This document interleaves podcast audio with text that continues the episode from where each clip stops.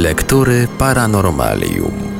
Dziś w naszych lekturach zajrzymy do jednej z najważniejszych polskich publikacji o tematyce ufologicznej. Będzie to pierwszy tom książki Goście z kosmosu, nieznane obiekty latające, autorstwa Lucjana Znicza, wydanej w 1983 roku nakładem Krajowej Agencji Wydawniczej. Na antenie w odcinkach zaprezentujemy rozdział ostatni, opisujący najciekawsze obserwacje obiektów UFO na przestrzeni wieków.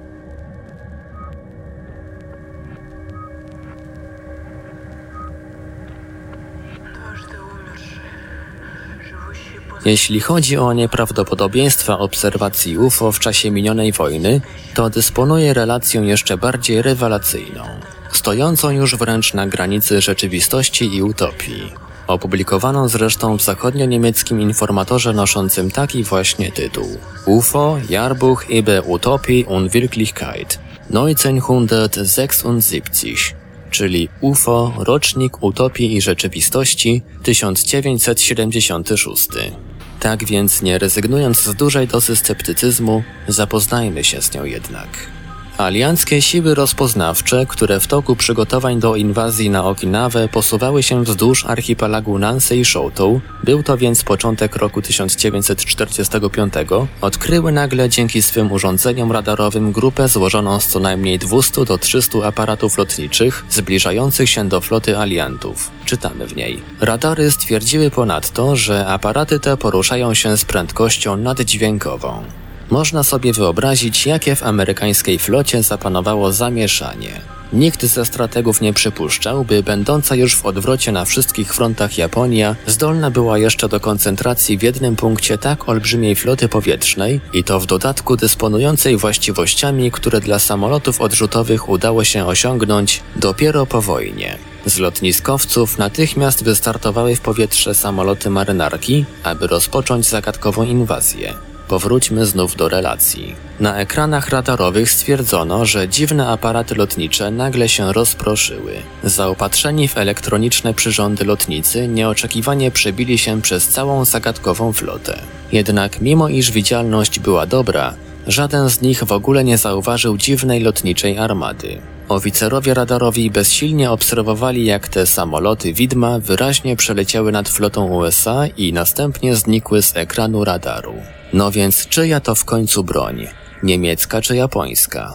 A do kogo należał wirujący wokół swej osi dysk, który przez dwa dni i dwie noce podczas lądowania aliantów w Afryce tkwił w powietrzu nad jakimś zagubionym na Saharze garnizonem francuskiej Legii Cudzoziemskiej? Albo obiekt cylindrycznego kształtu pozostawiający za sobą smugę po szybkich pulsacjach, który spotkany został podczas działań lotniczych w wojnie koreańskiej już w 1950 roku przez jednego z pilotów amerykańskich? Według zeznania pilota, obiekt ten krążył wokół bombowca przez kilka minut, zbliżając się z bardzo dużą prędkością i następnie w ostatniej chwili pikując, by przejść tuż pod B-29. Albo wreszcie dwa dalsze obiekty, o spotkaniach z którymi nad Koreą relacjonowali inni piloci amerykańscy, równie jak ów obiekt cylindrycznego kształtu, szybkie i dlatego zapewne nazwane przez nich latającymi gwiazdami, może to jednak broń radziecka, albo chińska.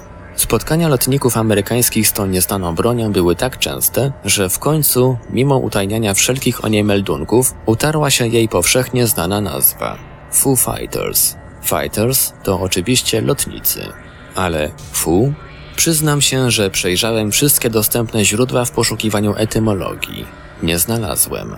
Najbardziej prawdopodobne wydaje mi się tu zniekształcenie słowa full, co oznacza wariat, błazen, choć niektóre źródła czeskie podają zamiast fu, u, co mogłoby oznaczać zniekształcone hu, czyli ktoś. Już sama ta pogardliwa nazwa wskazuje, że tych wariackich pilotów doświadczeni lotnicy nie traktowali poważnie. Co z tego, że jest to broń przeciwnika, skoro nie jest skuteczna? Początku podejrzewano, że Foo Fighters są jakimiś skumulowanymi ładunkami elektrycznymi, które mogą wybuchać w zetknięciu z samolotami. Ale nie wybuchały. Ba, nawet nie stykały się. Wówczas powstała wersja, że jest to tajna broń, której zadaniem jest uszkadzać na odległość zapalniki transportowanych bomb.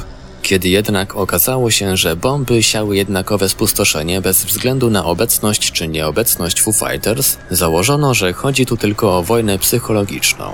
Tajemnicze, świecące obiekty miały siać wśród pilotów zamieszanie i strach. Ale wśród jakich pilotów? Wyłącznie amerykańskich? I to na wszystkich frontach? Tymczasem, jak się później okazało, już w 1943 roku przy Sztabie Generalnym Wielkiej Brytanii została powołana specjalna grupa badawcza z generałem Masseyem na czele, której zadaniem miało być wyjaśnienie, dlaczego tajemnicze obiekty atakują eskadry angielskie. A już największe zamieszanie wywołały Foo Fighters krótko po wojnie, gdy wyszło na jaw, że w 1944 roku także sztab niemieckiej Luftwaffe powołał do życia specjalną służbę, której zadaniem było, jak to dopiero w 1978 roku podało do wiadomości jugosłowiańskie pismo Start, Przyjmowanie od niemieckich pilotów wojskowych sprawozdań o widzianych przez nich ruchomych źródłach światła i latających obiektach niewiadomego pochodzenia, komentowanie tych sprawozdań i przekazywanie ich do kilku tajnych komórek różnych niemieckich urzędów wojskowych i cywilnych. A więc nie ma żadnej wątpliwości. Foo Fighters rzeczywiście okazały się niesamowitą bronią psychologiczną. Tylko czyją? Spróbujmy jednak sięgnąć w lata jeszcze dawniejsze, przedwojenne, trzydzieste. Były to czasy, kiedy samolotom skrzydła dopiero rosły i często wysokie parametry techniczne z powodzeniem zastępowała brawura pilotów. Nic dziwnego, że były to także czasy triumfów lotnictwa polskiego. W roku 1930 rekord odległości przelotu na samolocie sportowym RWD-2 zdobywają Skrzypiński i Chrzanowski. W 1931 25 tysięcy kilometrów wokół Afryki przelatują Skarżyński i Markiewicz. W roku 1933 przeleciał przez Atlantyk na samolocie RWD-5 Skarżyński. W czasach tych słynny żeglarz angielski Sir Francis Chichester, zmarły w roku 1972, rozpoczynał dopiero karierę. Dziś nikt już chyba nie pamięta, że ten zwycięzca transatlantyckich regat samotników w roku 1960, czy realizator najszybszego na owe czasy samotnego rejsu dookoła świata w 226 dni z jednym zawinięciem do portu w latach 1966-67 zaczął swe jak zawsze samotne wyczyny nie na wodzie, lecz właśnie w powietrzu. I oto od niego akurat pochodzi pierwsza chyba na świecie obserwacja UFO z samolotu. W 1931 roku Chichester przelatywał samotnie z Nowej Południowej Walii w Australii na Nową Zelandię. W chwili gdy, w otwartej kabinie, znalazł się on nad dzielącym Australię od Nowej Zelandii Morzem Tasmana, zauważył nagle obiekt o wyglądzie srebrnej perły, pędzący wprost na samolot. Przeciął on drogę samolotu i znikł z pola widzenia. Ale tylko z pola widzenia Chichestera bo angielski poszukiwacz różnego rodzaju niezwykłości Charles Ford w swojej książce The Book of the Damned, Księga Przeklętych, wymienia dziesiątki, ba całe setki mniej lub bardziej ciekawych obserwacji różnego rodzaju powietrznych obiektów, które raz po raz zakłócały spokój ludziom przez cały XIX i początek XX wieku. Zajrzyjmy do niej i skonfrontujmy wyliczane przez Forta zjawiska z innymi źródłami, w dalszym ciągu sięgając do coraz głębszych kartek historii. Oto epoka pierwszych walk samolotu z Atlantykiem. 21 maja 1927 roku po raz pierwszy nad Atlantykiem przelatuje lotnik amerykański Charles Lindbergh. Po nim G. Chamberlain. Ze wschodu próbują ocean pokonać dwaj lotnicy francuscy, Colli i Nungesser. Obaj giną. Do 1929 roku ginie w próbach przelotu nad Atlantykiem ze wschodu na zachód ponad 30 lotników, wśród nich także dwaj Polacy, Idzikowski i Kubala. Dopiero w 1930 roku dokonują tego po raz pierwszy dwaj lotnicy francuscy, Costet i Bellon, ale rok przed nimi, w sierpniu 1929 roku, cała załoga parowca Coldwater ze zdumieniem obserwuje samolot, który z prędkością około 150 km na godzinę swobodnie leciał ze wschodu na zachód nad Atlantykiem. Ze zdumieniem tym większym, że samolot miał niezwykłą na owe czasy konstrukcję. Był to błyszczący dysk. Podobne zresztą niezwykłe pojazdy powietrzne obserwuje przez okres niemal trzech lat w latach 1920-23 ludność Karoliny Północnej w USA, a naukowa ekspedycja zorganizowana w tym czasie do Azji Centralnej stwierdza, że podobne obiekty pojawiają się również i tam. W lipcu 1922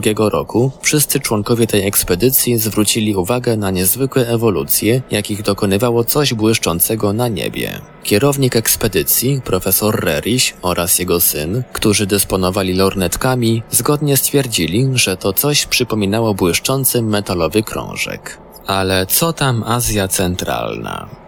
Dokładnie w tym samym czasie, w czerwcu lub lipcu 1922 roku, taki sam lub podobny pojazd usiłuje lądować na targówku w Warszawie. Byłem wówczas z ciotką i szwagrem na spacerze. Nagle zobaczyliśmy, że coś ze świstem zleciało z nieba. Jak kamień. Opowiedział o tym, zresztą dopiero 50 lat później, naoczny świadek zdarzenia, pracownik WSK Warszawa Wola Edward Penko. Byliśmy pewni, że rąbnie o ziemię, ale jakimś cudem zawisło nad nią jakieś 2-3 metry. Była to olbrzymia, spłaszczona nieco kula, niby złożone wewnętrzną stroną do siebie spotki. Wyglądały jakby były zbudowane z aluminium. Miałem wrażenie, że załoga gapi się na nasz tłum. Sądziłem, że wkrótce wehikuł dotknie ziemi, a my będziemy mogli zajrzeć do jego wnętrza. Jednak nie doszło do lądowania. Pojazd nagle wystrzelił w górę rozległ się huk. Pamiętam, że szybując w powietrzu wyglądał jak rozżarzona kula. Świadkami były setki ludzi. Cofnijmy się jednak jeszcze o parę lat. Znów czarne karty historii ludzkości. Pierwsza wojna światowa. Ponowna hekatomba. 10 milionów zabitych, 20 milionów rannych, olbrzymie straty materialne i zniszczenia w 33 biorących w niej udział państwach. Lotnictwo nie odgrywało jeszcze poważniejszej roli w działaniach wojennych. Kto wówczas miał chęć i czas obserwować wciąż tajemnicze niebo nad głową? A jednak i w tym okresie Charles Ford zanotował trzy relacje o jakichś dziwnych lotniczych obiektach. W październiku 1914 roku czarna torpeda minęła Słońce. W lipcu 1915 roku mieszkańcy miejscowości Ballinasloe w Irlandii przez 45 minut obserwowali stojące nieruchomo w powietrzu błyszczące ciało. W sierpniu zaś 1917 roku zauważono z kolei w Buenos Aires, że duża błyszcząca tarcza minęła księżyc. Czyżby wojna z powierzchni naszego globu już wówczas przeniosła się aż gdzieś w kosmos?